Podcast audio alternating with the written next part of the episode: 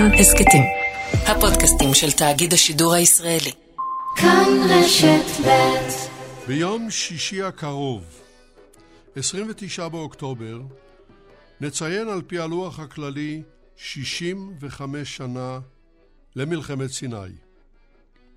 היא ידועה אצלנו גם בשם מבצע קדש.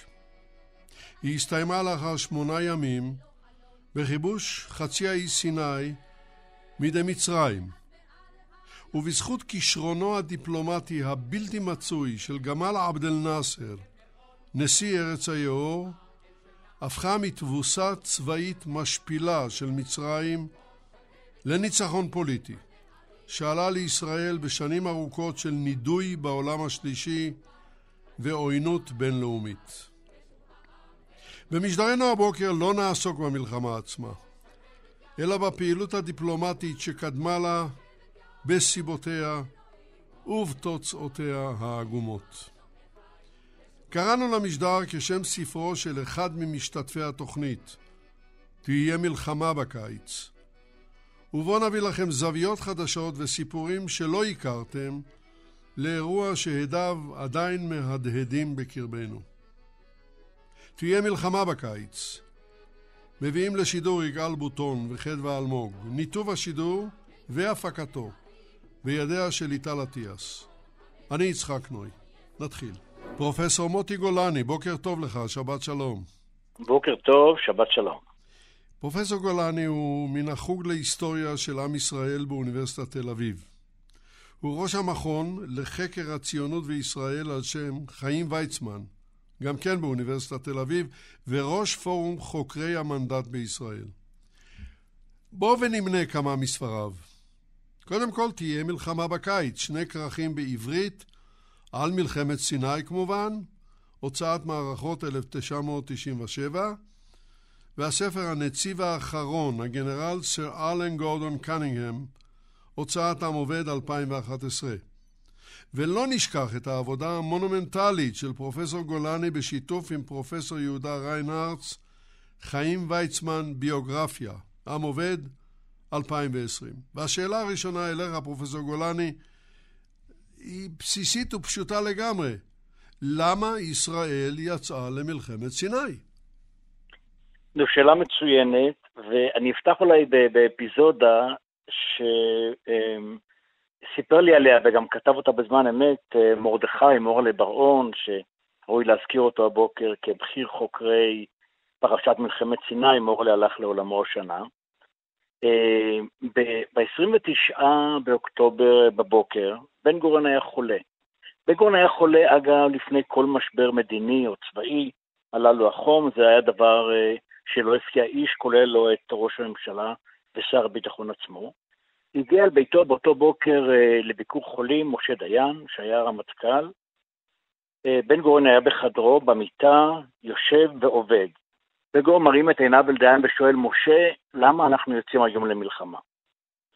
צריך לזכור שחוש הומור לא היה אחד הדברים החזקים אצל בן גוריון, והשאלה הזו הייתה לא שאלה סתמית, אה, יהיו שאלות באותו לילה שהגיעו הישר מהבית הלבן או מגורמים ממחלקת המדינה, למה אתם מרכזים, אתם ישראל, כוחות על הגבול המזרחי לכיוון ירדן? מהלך העילה הידוע. על שאלה כזאת דיין ענה תשובה כזאת, אנחנו יוצאים למלחמה כשהשעה תהיה חמש. ואז התחיל דיון אה, אה, שבו בעצם ניסו אה, אה, להראות שיש לישראל סיבות טובות לצאת למלחמה באותו ערב. אולי נעלה טרקטור על מוקש, אולי אה, נפציץ בזהירות את באר שבע, כל מיני דברים מן הסוג הזה שיסבירו שישראל עומדת לתקוף לא מזרחה את ירדן, אלא מערבה דווקא את מצרים. ובכן, מסתבר שבאמת באותו יום, 29 באוקטובר 1956, לא הייתה לישראל עילה נראית לעין לתקוף במצרים. הסיבות היו אה, הרבה יותר עמוקות וארוכות טווח. נדמה לי שהסיבה העיקרית, אם לקצר ולדבר בוקטורים גדולים, הייתה העובדה שישראל הייתה נטולת בת ברית מדרג של מעצמה. צריך לזכור שישראל הייתה מדינה צעירה, נתונה ב, לא במשבר אחד, אלא בשורה של משברים. משבר הקליטה, ההגירה, משבר כלכלי נורא, שלא לדבר על משבר אה, אה, צבאי נמשך, בעיקר במה שכונה ביטחון שוטף, הסתננות שלא לא חדלה, ומעל ריחפה סכנת המלחמה, הסיבוב השני עם המדינות הערביות, ולישראל, עם כל הכבוד, ויש הרבה כבוד, לא היה על מה להישען, לא היה על מי להישען. לא על ברית המועצות כמובן, ולא על ארצות הברית, ואני יודע שנרחיב על זה אה, בהמשך, וגם לא על מדינות מדרג, אה, מדרג שני. ובעצם, כאן הנקודה. ישראל יצאה למלחמה ב-29 באוקטובר 1956 בלוח זמנים לא ישראלי, אלא בלוח זמנים אנגלו-צרפתי. כלומר, בסופו של דבר, ישראל יצאה למלחמה כדי לקנות לעצמה בת ברית, לא ארצות הברית אולי, אבל בהחלט צרפת ובעורפה גם בריטניה, אה, אה, שהיו מוכנות לשלב ידיים עם ישראל כדי לתקוף את מצרים, השאלה היא מדוע. אבל צריך רק לזכור את הצורך הנואש של בן גוריון וממשלתו בבת ברית, זו הייתה מורשת כפולה. א', מורשת ציונית, שבה בעצם היה ברור, מאז הצהרת בלפור, שהציונות, היישוב ואחר כך ישראל לא יכולים לבד. ודבר שני, צריך לזכור, אנחנו מדברים על 1956.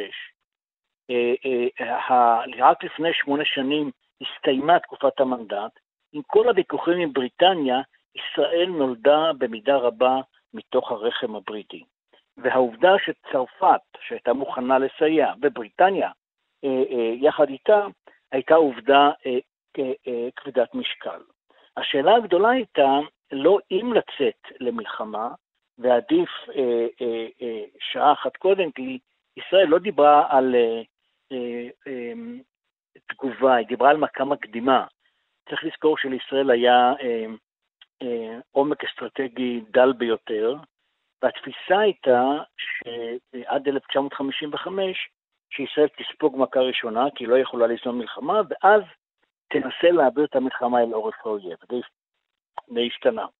ובשאלה איך מגיעים למלחמה, אה, אה, בעניין הזה הוביל מי שהיה רמטכ"ל מאז אה, שלהי 1953, משה דיין, ובעצם ישראל הגיעה למלחמה עם, נאמר בקיצור נמרץ, בשלושה שלבים. אה, השלב הראשון היה ניסיון של דיין בעידוד שקט של דוד בן גוריון. אבל ש... אני, אני מציע, פרופסור גולני, שלא נקדים את העגלה לסוסים. אנחנו נגיע לעניין הזה. ולתפקידו של משה דיין. בסדר גמור.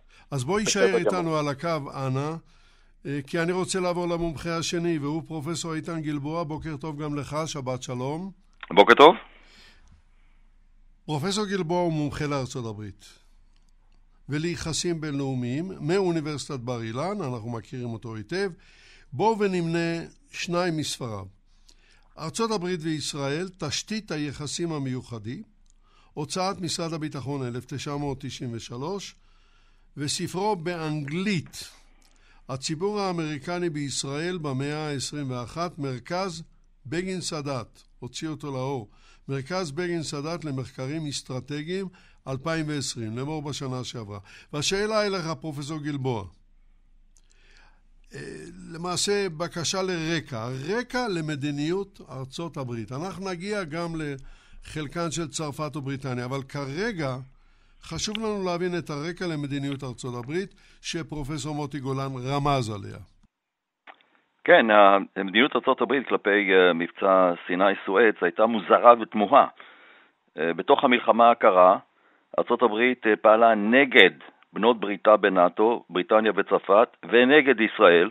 היא משתפת פעולה עם ברית המועצות, היא מגינה בעיקר על מצרים שהיא בעלת ברית של ברית המועצות, היא איימה בסנקציות כלכליות נגד בנות בריתה, ואילצה אותן לוותר על הישגים צבאיים, והשאלה המרכזית, איך בכלל התפתחה המדיניות הזאת, וזהו באמת הרקע.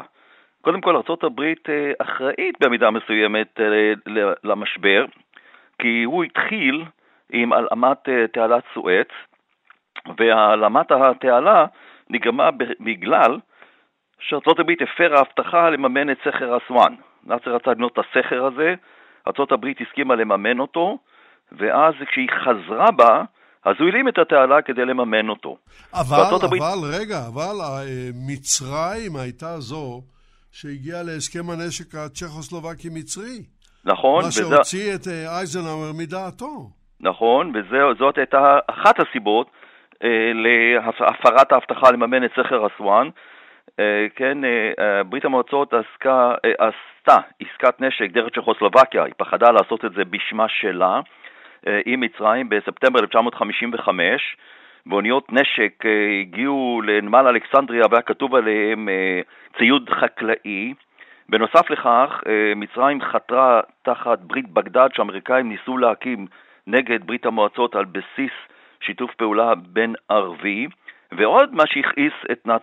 את אייזנהאואר הייתה הכרה של נאצר בסין הקומוניסטית ב-16 במאי 1956. ארה"ב כן התכוונה לממן את סכר אסואן, והיא חשבה שאין אלטרנטיבה למימון הזה, ברית המועצות לא תוכל לעשות את זה, הם לא חשבו על תסריט של העלמת התעלה, כאשר התעלה הולאמה, אה, אז הם הקפיאו את נכסי מצרים בארצות הברית וחשבו, בואו נפתור את זה בדרכי שלום, דרך ועידות, והתקיימו כאלה ועידות אה, בלונדון. האירוע השני החשוב שהוא מספק רקע להבנת מה שקרה למדיניות האמריקאית זה בחירות לנשיאות. שאמורות להתקיים ב-6 בנובמבר 1956. נשיא ארצות הברית, כבר הזכרנו את שמו הגנרל דווייט אייזנהאואר, הוא מנסה ללכת על כהונה שנייה, והסיסמת הבחירות העיקרית שלו, והבחירות האלה מתקיימות בדיוק בחודשים הקריטיים האלה, מיולי אה, עד אוקטובר 1956, אה, הסיסמה העיקרית שלו זה עידן של שלום, וזה נובע מכך שהוא סיים את המלחמה בקוריאה ונמנע מהחלטה נבונה להתערב אה, וייטנאם. והאירוע הנוסף שהשפיע על המדיניות ארה"ב הייתה התקוממות בהונגריה נגד שלטון ברית המועצות, שזה קרה ב-23 באוקטובר 1956. אה, מנהיגים אמריקנים בתחנות רדיו של ארה"ב, בעיקר תחנת הרדיו רדיו פרי יורופ, רדיו אירופה החופשית, מעודדים את תושבי מזרח אירופה להתקומם נגד ברית המועצות, נגד השליטה הזאת של, אה, של רוסיה הסובייטית. המתקוממים הניחו שארצות הברית תעזור להם, אבל ארצות הברית לא עשתה כלום. היא גינתה, אבל לא עשתה שום דבר. שבוע אחרי כן ישראל תוקפת בסיני, עוד יומיים בריטניה וצרפת תוקפים בתעלה, ואייזנר כעס מאוד שהנה זה מקלקל לו את הבחירות, אה, הוא כעס על זה שלא התייעצו איתו, שבריטניה וצרפת לא התייעצו איתו על השימוש בכוח הצבאי. שני משברים בינלאומיים שבוע לפני הבחירות, קצת יותר מדי. טוב, אז בוא יישאר גם אתה איתנו על הקו, פרופסור איתן גלבוע. אני עובר למומחה השלישי, והוא דוקטור נתן ארידן. בוקר טוב לך, שבת שלום. בוקר טוב, שבת שלום לכל המאזינים. דוקטור ארידן הוא היסטוריון ממכון בן גוריון לחקר ישראל והציונות. באוניברסיטת בן גוריון בנגב נמנה שניים מספריו, לא בעברית, Advocating for Israel בתרגום שלי, פחות או יותר, ללמד הגנה על ישראל, ודיפלומט unlobbyist, From Truman to Nixon. זאת אומרת, אה, עבודה דיפלומטית לא לובייסטית, מטרומן ועד ניקסון, בערך. ואני רוצה לשאול אותך שאלה כזו, אנחנו רואים בזיכרונות של דה גול, שתורגמו לעברית על ידי אהרון אמיר, כתוב בהם שדה גול רותח על אייזנהאואר. הוא אומר, אני ראיתי מה אייזנהאואר עשה לנו בדיים ביים פו, בהודו סין, כשהתחננו לפניו שיוציא אותנו בכבוד. ראינו מה הוא עשה לנו במבצע מוסקטיר בסיני. ואני החלטתי שאם אני יום אחד אגיע לתפקידי הכרעה בצרפת, אני אסלק את צרפת מנאט"ו ואני אבנה לצרפת כוח אטומי עצמאי. ואת שני הדברים האלה הוא עשה. מה הייתה עמדתו של אנטוני אידן בעניין הזה, דוקטור נתן ארידן, והרקע למלחמה? אני אה, מנסה באמת לתת אה, אה, ניתוח, וגם כמו מוטי גולני אומר, הנושא של הקדשה של מור לברון, שהלך לערומו שלו השנה, כאיש דגול, היסטוריון, ידיד ומבריק, ולא ניתן ללמוד ולהבין את המצע ולא את החקר של מור לברון. אמ, צריכים גם כן להבין את האישיות. אנטוני אידן, שהוא היה שר חוץ ב-1938, הוא פרש נגד הפייסנות. צריכים גם כן להגיד עוד שני דברים שלפעמים לא עושים את הדגש. צ'רצ'יל הוא היה חצי אמריקאי, ואחרי מקמילן היה חצי אמריקאי. היה להם יותר רפור עם ארצות הברית לעומת אידן. מה שקורה כאן של אנטין אידן, כמו שאפשר לומר שכל גנרל נלחם במלחמה הקודמת, אידן ראה בתוקפנות של נאצר נגד המערב וכולי וכולי, זו הזדמנות אמ, אה, לבלום, ובצדק, מפני שאם הם לא מצליחים, זה באמת יהיה דומינו למושבות שלהם ברחבי העולם. ואצל אנטוני איבן, אמ, בנושא שלו, אמ, הם, יש כמה דברים חשובים מאוד לציין. אמ, בתוך, ה, בואו נגיד, הברית, זה בעצם הברית של ישראל בצרפת, וידע את הברית עם, עם, עם בריטניה. ואני הייתי אומר כאן, שהבעיה כאן um, של אידן, um, וזה הפשלה שלהם, שאחרי 26 ביולי, כמו שנאמר לפני, על ענת על הסואז, הבריטים לא אמרו שום דבר על מנת להשפיע על הציבור הבריטי. ולאט לאט, עד שסוף אוקטובר, כל האיומים, מה יהיה עם תעלת סואז, לא יהיה נפט, um, לבריטים, זה לא יתממש. והנושא כאן של הסודיות, ומה שקורה כאן, שהסיפור, ש... ונוכל ללמוד היום, קבלות החלטות, מי ידע איך מביאים את ההחלטה ומי מחליט לצאת למלחמה. מה נאמרו לחברי הקבינט? לדוגמה, אם אני מצטט ואני אסיים, שנוכל להמשיך מדיון, יש מה שנקרא economical with the truth, צמצום באמת באמת, או, um, שהיו שיחות, כמובן שאנחנו יודעים, בסיבר, בין הנציגים של מדינת ישראל, צרפת ובריטניה. מה נאמרו לחברי הקבינט? שנמצא שבשיחות שהיו עם הצרפתים אמש א' ב' ג', היו שיחות עם הצרפתים. אבל לא דיווחו בכלל לחברי הממשלה שגם ישראלים היו נוכחים. אמ, וזה באמת אמ, חשוב. ודבר אחרון שרציתי להוסיף, אמ, אולי איתן יגיד משהו בזה, שזה היה המצב המביך שאבא אבן היה ב State Department, במשרד החוץ האמריקאי, ערב לפני מבצע קדש, ורמטרי, שהוא היה איש אה, פקיד בכיר, סליחה, במשרד החוץ, הזמין את אבא אבן לדווח מה קורה עם כוננות הגבול. ואבא אבן מנסה להסביר, פתאום מישהו לחש באוזן של רנטרי שישראל כבר פלשה למצרים, ואבא אבן הגיב, אוי, לא ידעתי את זה, אני צריך לחזור לשגריות על מנת לקבל מידע נוסף. זה מאוד מביך, ללא ספק. יישאר איתנו על הקו דוקטור נתן ארידן. אני חוזר אליך, פרופסור מוטי גולני. אה, קודם כל, שמענו את התגובות של שני החברים, פרופסור גלבוע ופרופסור, ודוקטור ארידן. אני רציתי לדעת מה היה, התחלת לדבר על זה כשהפסקתי אותך מקודם, מה היה מקומו של משה דיין במערכה? אני מניח שאתה רוצה להגיב קודם כל ראשית על, על דברי החברים ואחר כך לענות על השאלה. בבקשה. כן, אז קודם כל שלום, שלום לנתן, שלום לאיתן. איתן היה המורה שלי וזה נפלא לפגוש אותו מעל גלי האתר. אמ, אני, אני רוצה רק להזכיר, בהמשך לדברים שנאמרו על ארצות הברית, על בריטניה, שישראל אה, לא הייתה יכולה לפעול אלמלא הייתה אותה סיטואציה מיוחדת במצב היחסים בכלל במלחמה הקרה ובין בריטניה אה, וצרפת לבין ארצות הברית. אה, על עמד, אבל אני רוצה גם להזכיר באותה נשימה שעל עמד חברת התעלה, חברת התעלה הולאמה בסוף יולי 1956, הייתה כבר אחרי שישראל וצרפת היו בעיצומו של מהלך לקראת מלחמה במצרים. זאת אומרת ש... שלא צריך היה במידה רבה את משבר סואץ, שלא היה משבר ישראלי, הוא היה משבר בעיקרו בין מצרים לבין המדינות המשתמשות בתעלה, בעיקר אה, צרפת אה, אה, ובריטניה, לא היה צריך את המשבר הזה כדי שישראל תשלב ידיים, או צידון, כמו שפרס, שהיה אז אה, מנכ"ל משרד הביטחון, קרא לזה צרפת, ישראל, דורכות נשכן. זה ראשי התיבות שהוא נתן, נתן למבצע הזה.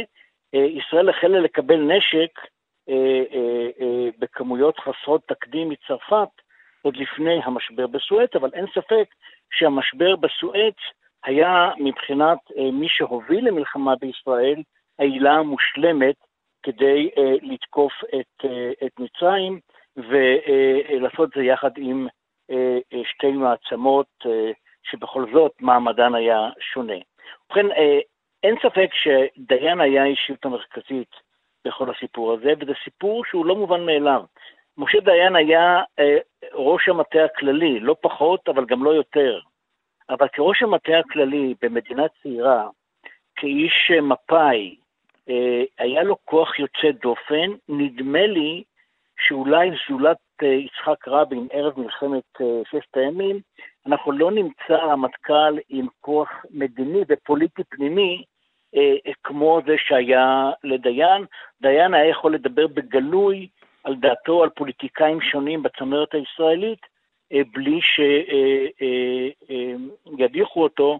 מי שהיה ראש הממשלה ושר הביטחון, משה שרת, אה, בשנים 53 ו-55, אה, אה, אמר שדיין יעשה למידון הצבא. השלב הוא התכוון למדון או למדיני. בכל מקרה, בשני, בשני הפירושים היה לזה כיוון, ודיין, מתוך תפיסה שאפשר להתווכח איתה, אבל צריך להבין אותה, סבר שישראל מאבדת את כושר ההרתעה שלה, שהגבולות שלה הם גבולות שאינם בני הגנה, שהיא לא יכולה לאורך שנים להתקיים בגבולות 49, גבולות שביתת הנשק, ולכן היא צריכה לחפש מלחמה יזומה כדי לכבוש שטחים, להגיע למשא ומתן מתוך עמדה של כוח, ואחר כך לסגת בתנאי שהגבולות יהיו גבולות משופרים. זו הייתה באופן בסיסי הגישה שלו. דוד בן גוריון אה, לא קיבל את גישתו, לפחות עד 1955, כאשר הוא חזר לממשלה מחופשתו הארוכה אה, בשדה בוקר, אבל לאט לאט בן גוריון עבר לחיוב עקרוני, אם כי אה, תוך חשש ופחד מוצדקים מפני האופן שבו אפשר לבצע מלחמה יזומה. ואני רוצה כאן אה, לומר משהו מרכזי. בן גוריון לא הוביל את המהלך. בן גוריון היה אומנם מי שיכול היה לעצור את המהלך, אבל בן גוריון היה כבר ב-1956 בדעיכה מסוימת, זה בוודאי לא דוד בן גוריון של אה, מלחמת העצמאות, זה בן גוריון אחר אה, שפועלים עליו כוחות רבים וגם אה, כוחו, נאמר, האינטלקטואלי כבר לא היה, כבר לא היה, לא היה בשיאו, ובכל זאת עדיין היו מנהיגים ישראלים רבים שלא הגיעו לכוחו של בן גוריון גם בימי הנסיגה שלו. בכל מקרה, כדי לעשות את הארוך קצר, אני אומר שדיין ניסה לקדם בשלב ראשון את מלחמת ה... אה, את המלחמה היזומה ורצוי נגד מצרים כמדינה המובילה דרך דרדור הביטחון השוטף, בעיה אה, שהייתה קיימת מאז 48' לכדי מלחמה. לא הסתייע הדבר, גם ישראל, גם ממשלת ישראל לא הייתה מוכנה ללכת עד הסוף, ומסתבר שגם נאצר לא, אם כי בראשית ספטמבר 1955 המלחמה הייתה על הסף, ישראל ומצרים כבר ריכזו כוחות כתוצאה מבעיות של ביטחון שוטף אה, אה, על הגבול, והעניין הזה נבלם ברגע האחרון. צריך לזכור שהמיצרים, אה, אה, מיצרי טירה נסגרו כבר אז, בספטמבר 1955. הניסיון השני, שגם הוא לא צלח, היה להתעלות בסגירת המיצרים כדי לפתוח במלחמה, מה שנקרא לימים מבצע עומר, אה, אה, שבו ישראל תתקוף אה, בדרום חצי האי סיני, וברור היה שהמצרים יתקפו בצפון. בן גוריון הבין את זה, דיין הבין את זה, הם הלכו למהלך, אלא שזה נבלם בינואר 1956. מה שבלם, וזה מעניין, בניגוד אולי למוסכמה בישראל, את המהלך הזה הייתה דווקא עסקת הנשק הצ'כו-מצרית, שבלמה את המלחמה היזומה, כיוון ש... בן גוריון הודיע שכל עוד אין לישראל עסקה נגדית, לא יוצאים למלחמה, ואז בעצם ישראל יצאה לחפש נשק. אה, שרת הופקד על החזית האמריקאית, הוא היה אז כבר לא ראש הממשלה, שר החוץ, והוא נכשל, ונדמה לי שאיתן ייתן את, ה- את, ה- את, ה- את הסיבות הטובות לכך. משרד הביטחון, אה, פרס, דיין, הופקדו על, ה- על צרפת, והם הצליחו אה, אה, לא בגלל שהם היו מוכשרים במיוחד, אלא כיוון שצרפת היה עניין בסכסוך עם מצרים. המרד שפרש באלג'יריה, כידוע, בשלהי 1954, אה, הלך והתעצם, צרפת הזרימה כוחות צבא גדולים מאוד לאלג'יריה, ואלג'יריה הייתה לא מושבה אלא חלק מצרפת, ו- ולשווא הם האשימו את נאצר, בצדק או שלא בצדק, שהוא עומד מאחורי המרד, ובעצם אה, אה, אה, זה היה רקע נוח לשילוב ידיים ישראלי-צרפתי, בעיקר דרך עסקת נשק והקמת מפקדה משותפת בפריז, כדי לתכנן פעולה נגד, נגד מצרים. המפקדה הזו הוקמה כבר ביולי, ראשית יולי 1956, וכאשר יפרוץ משבר סואץ, כבר הדרך הייתה פתוחה למלחמה. ברור, ברור. המתן על הקו, פרופסור איתן גלבוע. שמענו את דבריו של מוטי גולני, ואני רוצה עכשיו לשמוע כמה מילים על המדיניות של ארצות הברית ושל ברית המועצות. כן, אז קודם כל המטרה המיידית של ממשל אייזנהאואר אחרי שהוא כעס, זה היה לעצור את המלחמה ולהביא לנסיגה של כל הכוחות למצב ששרר ערב המבצע, והממשל שלו עושה את זה בשתי דרכים עיקריות, אה, דיפלומטיה דרך האו"ם ואיומים בסנקציות כלכליות על כל הצדדים. באו"ם, ב-30 באוקטובר, ארה"ב אה, מעלה הצעה שהחלטה, הצעת החלטה נגד ישראל בלבד, כי עדיין אה, בריטניה וצרפת עוד לא תקפו. כמובן שבריטניה וצרפת מטילות על זה וטו. תוך יומיים בריטניה וצרפת מצטרפות, ואז אין אפשרות לפעול יותר במועצת הביטחון, ואז ארה"ב נזקקת לאיזה פטנט של עקיפת אה, הווטו של אה, בריטניה וצרפת במועצת הביטחון. הם הולכים על החלטה שנקראת United for Peace, כלומר אחדות למען השלום, שזאת החלטה שהתקבלה באוקטובר 1950 כדי לעקוף את הווטו הסובייטי על המלחמה, מלחמת אה, ארה"ב בקוריאה, ואכן עצרת האו"ם שהתכנסה אה, לחירום, למושב חירום, אה, היא, היא מקבלת החלטה כדלקמן, א', היא דורשת הפסקת אש מיידית, נסיגת כל הכוחות, אמברגו על משלוחי נשק לכל הצדדים, שזה בעיקר על ישראל, כי בריטניה וצרפת יש להם תעשיית, תעשיות נשק משלהם, ופתיחה מחדש של תעלת סואץ, כי הפעולה הראשונה שעשה נאצר זה אה, לסגור את התעלה. וההצעה הזאת, אם, אם אתה רוצה לדעת, אושרה ברוב של 64 בעד, חמישה נגד ושישה נמנעים. חמשת הנגד היו בריטניה, צרפת וישראל באופן טבעי, אוסטרליה וניו זילנד. אבל זה כמובן אה, החלטה של עצרת האו"ם שהיא רק המלצה. אז אה, ממשל אייזנהאואר פעל גם ב, ב, לפחות באיומים על סנקציות כלכליות. אה, הבנק של בריטניה הפסיד בתוך יומיים 50 מיליון pound, ואז בריטניה פנתה לסיוע של הקרן הבינלאומית, ה-IMF, International Monetary Fund, אייזנהאואר מסרב. הוא מסרב לאפשר להם לקבל את הסיוע הזה, וגם מאיים על בריטניה למכור אגרות חוב שלה שארצות הברית מחזיקה בה. הוא מסכים להיפגש גם עם אידן וגם עם גימולה, ראש, ראש הממשלה של צרפת, בוושינגטון, וביטל אותה, כי שר החוץ שלו, ג'ון פוסטר דאלאס, אמר לו שאם הוא יעשה את זה, היא תגרום לגל אנטי-אמריקאי בעולם המוסלמי. והוא גם קיבל איזה, הוא איים גם על ישראל בסנקציות כלכליות, שנשמעות היום קצת מוזרות, אבל זה מה שהוא עשה. אחרי שבריטניה וצרפת החליטו לסגת, לקבל את, ה, את התנאים האמריקאים, את האולטימטומים האמריקאים, ישראל סרבה לסגת ללא תנאים, ואז הוא איים שהוא יבטל את הזיכוי ממיסים לתרומות של יהדות ארצות הברית לישראל. אה, אז, בתקופה הזאת, יהדות ארצות הברית תרמה לישראל בערך, אף אחד לא יודע את המספרים המדויקים, 100 מיליון דולר. אז הוא אמר, אם ישראל לא נסוגה ללא שום תנאים, אני הולך לבטל את הזיכוי שיש ליהודי הברית על התרומות שלהם לישראל, וזה היה אחד הגורמים שהשפיע מאוד על בן גוריון וממשלתו לקבל את התנאים אה, של הברית. אז איך אתה מסביר את זה, פרופסור איתן גלבוע, שבספרו האוטוביוגרפי אייזנהאור מכה על חטא, הוא אומר שזאת הייתה אחת השגיאות הגדולות שהוא עשה. כן, נכון, אבל זה בדיעבד, זה בחוכמה שלאחר מעשה. מפני שכל ההנחות האמריקאיות לגבי מה שקורה, מה שקרה בזמן אמיתי, ומה שקרה לאחר מכן, אה, התבדו. התברר שאייזנהאואר חשב שהוא אה, מונע תסיסה נגד ארצות הברית בעולם הערבי והמוסלמי, שהוא מונע כניסה והעצמה של החדרה הסובייטית למזרח התיכון, הוא לא רצה להיראות כמי שתומך בקולוניאליזם ואימפריאליזם מערבי, הוא תמך דווקא בדה-קולוניזציה. התוצאה הייתה שלמעשה ארצות הברית היא שהכריעה את בריטניה, צרפת וישראל לקבל, לסגת בלי תנאים ומהר, בלי להשיג שום רווחים, ומי שיצא מכל העניין הזה עם רווח משמעותי הייתה ברית המועצות, אז כמובן שאתה כותב את הזיכרונות שלך, אתה לא יכול להתעלם ממה שקרה. ברור, ברור. דוקטור נתן ארידן, אנחנו רוצים לעבור עכשיו לבעיה אחרת לגמרי. מצוקת חברי הפרלמנט היהודים בלונדון.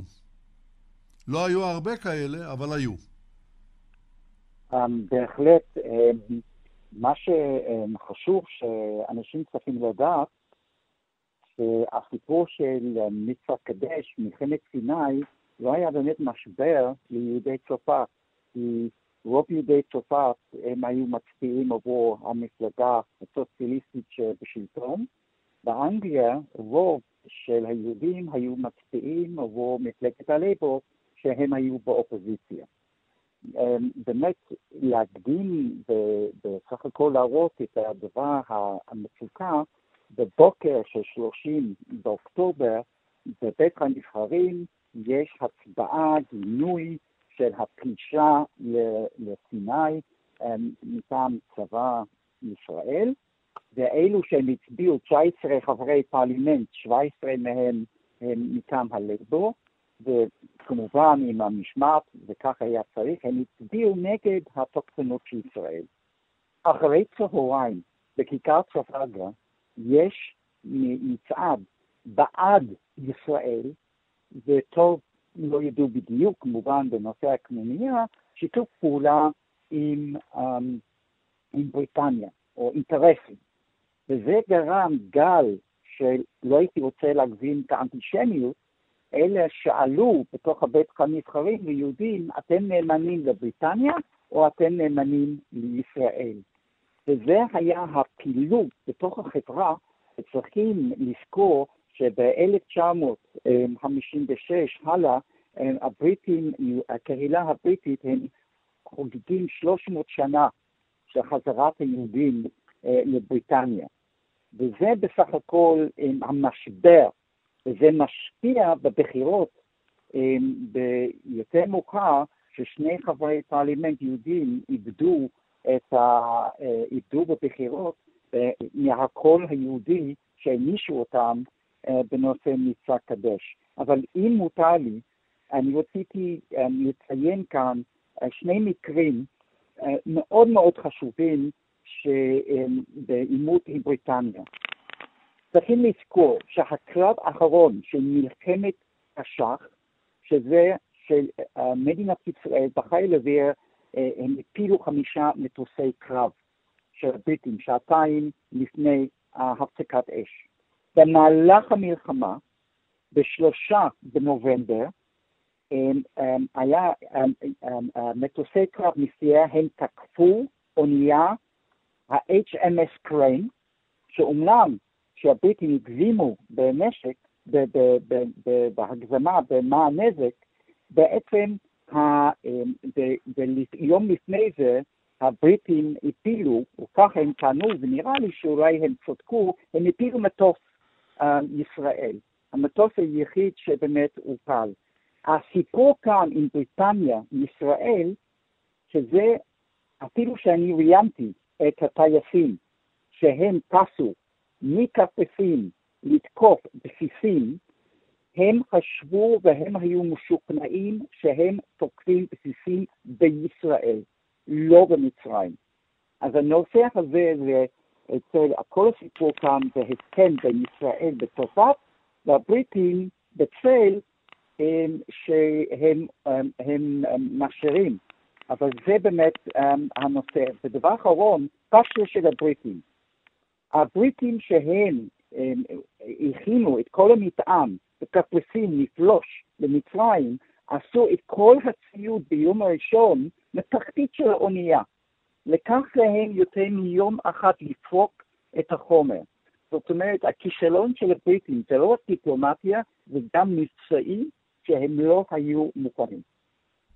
יצחק, ברשותך, הייתי רוצה להוסיף... כן, בבקשה, פרופסור גולני, בבקשה. לדברים של נתן על השניות הבריטית, באמת, מפקד חיל האוויר, אה, אה, הכוח האווירי במזרח התיכון, שאל, שאל אה, ערב המלחמה, לא ברור לו את מי הוא תוקף, ישראל או את מצרים, תגידו לי, אבל זה, זה נבל לא רק מהבעיות שנתן תיאר של, של הבריטים, אלא גם ממה שאנחנו מכנים הקנוניה, מאותו הסכם חשאי שרבים, גם בממשלת בריטניה וגם בצרפת פחות, אבל גם בישראל לא ידעו עליו. הרי, הרי בישראל בעצם שרת החוץ למשל, גולדה מאיר, אה, אה, באה אל ראש הממשלה בן גוריון ואמרה לו, אני יודעת שאני אמורה לא לדעת, אבל אני לא יודעת מה אני אמורה לא לדעת. כלומר, היא, היא, הבינה, היא הבינה שמתרחש כאן משהו שלא אושר בממשלה עד הסוף. נכון, ממשלת ישראל אישרה אה, אה, את המלחמה יום לפני, רק ב-28 באוקטובר, אבל לאיש מן השרים, אה, אה, אה, אה, אה, זולת, אה, אה, זולת מעטים, לא היה ברור פרטי ההסכם עם צרפת, והדבר הזה זלג גם למטה עד כמעט תאונה קשה שבה בעצם אלוף פיקוד הדרום, אסף שמחוני, הכניס את צה"ל לסיני בניגוד להוראות ולפני הזמן, בלי שהוא יקבל הוראה לכך מהרמטכ"ל או משר. ואחר כך הוא כותב על זה משה דיין בספרו, על מערכת סיני, שעדיף לעצור סוסים דוהרים, מה ש... כן, מה שלדרבן סוסים... מסוימת, כן. כן, משהו כזה. נכון. כן. אבל האם המחשבה, כמו שאמר דוקטור ארידן, שטייסים בריטים סבורים שהם הולכים לתקוף שדות תעופה בישראל, לא קשור לאותו אירוע של שנה לפני כן, כשבתחילת אוגוסט 1955 איר מרשל של קלוד פלי, מפקד חיל האוויר הבריטי, מכין תוכנית התקפה על ישראל, על פי בקשת המטכ"ל הבריטי. אני חושב שאתה מתחיל עוד קודם. אה, סליחה, נתן, כן. אני רק רציתי להגיד, זה באמת נכון, אבל אנחנו כהיסטוריונים צריכים מאוד להיות זהירים. זה נכון, הוא ביקש. הייתי במקרה בלונדון, בדקתי בארכיון הציבורי שם, הלאומי, ובדקתי שהיו תוכניות של הבריטים לתקוף גם ירדן, גם מצרים, גם סוריה, גם לבנון. אז זה נכון שהייתה תוכנית, אבל צריכים לקחת את זה ברחבה שתוכנית מגירה, שאם במקרה יש משבר, מה עליהם לעשות? ואנחנו צריכים לקחת את זה קצת בעוון מוגבל. אני הייתי רוצה להוסיף שמבחינת הבריטים הנקודה הרגישה באזור הייתה כמובן אה, אה, ירדן. אה, כשהבריטים נסוגו, נסוגו מהאזור, הם השאירו מאחז יציב יחסית בירדן, קל וחומר אחרי הנסיגה מתעלת סואץ שהושלמה סופית ביוני 56, זמן קצר מאוד לפני פרוץ משבר סואץ. והעובדה שגלב פשע, מייסד ומקים הלגיון סולק אה, ב-56 אה, מירדן, הייתה חמורה מאוד בהשראת מצרים, לפי דעת אידן, הייתה חמורה מאוד מבחינת, מבחינת הבריטים, והם מאוד חששו לגורלה של הממלכה האשמית, השריד לנוכחות האימפריאלית הבריטית, ובעצם אה, הם כבר ב-54-5 תכננו את מבצע קורדאג' שבעצם אמור היה להטיל מצור על ישראל במידה והיא אה, אה, תסתבך עם ירדן.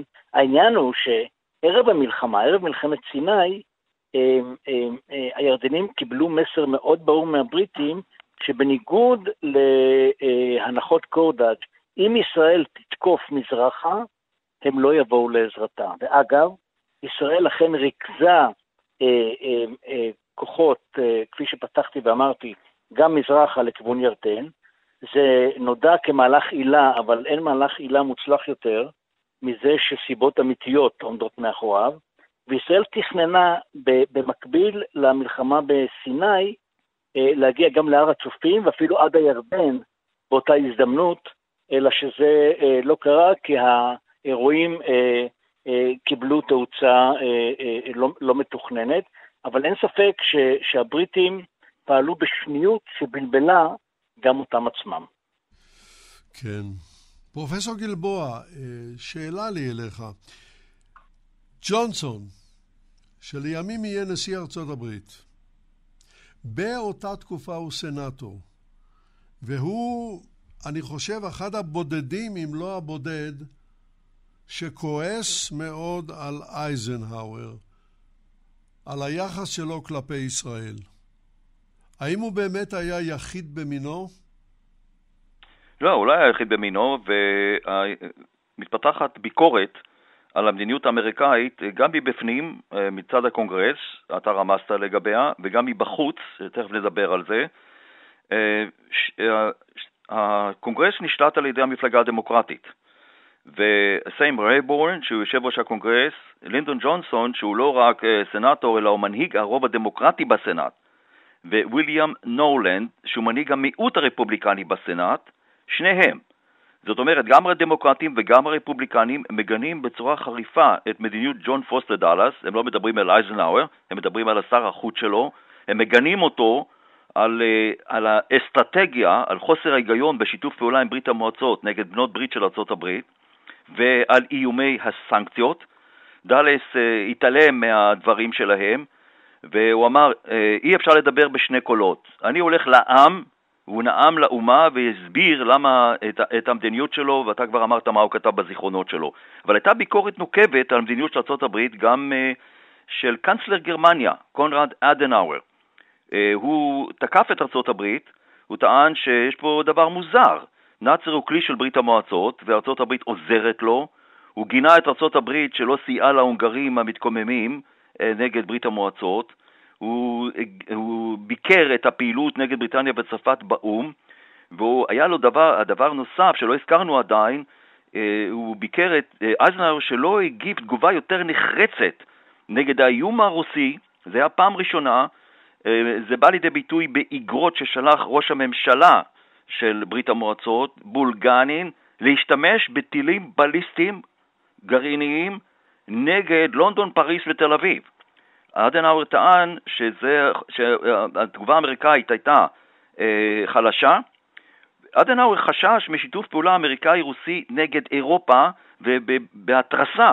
הוא יצא לביקור בצרפת בחמישה ובשישה בנובמבר 1956, אז אה, אה, הייתה ביקורת כזאת מבפנים ומבחוץ, אבל אייזנאואר היה נחוש בדעתו לגרום לזה שהמשבר הזה ייפתר וייפתר מהר על ידי נסיגה של כל הכוחות ממצרים. אה, אתם רק להוסיף אה, פרט קטן מאוד, אה, שלום רוזנפלד, זיכרונו לברכה, העיתונאי ממעריב, כל כך שנא את ג'ון פוסטר דאלס, שבמאמרים שלו הוא היה כותב דויטשלנד, דויטשלנד, איבר דאלס. כן, נכון. זה היה, נכון. זו הייתה התגובה שלו. יצחק, הייתי רוצה להוסיף לדברים של איתן, ומעניין, איתן, מה אתה חושב על זה? יש לי הרגשה שבסופו של חשבון היסטורי, אה, אה, ישראל וארצות הברית אה, אה, התקרבו משהו בעקבות הפרשה הזאת של מלחמת סיני, אולי אני מקדים את המאוחר, יצחק, ותרצה לדבר על זה אחר כך.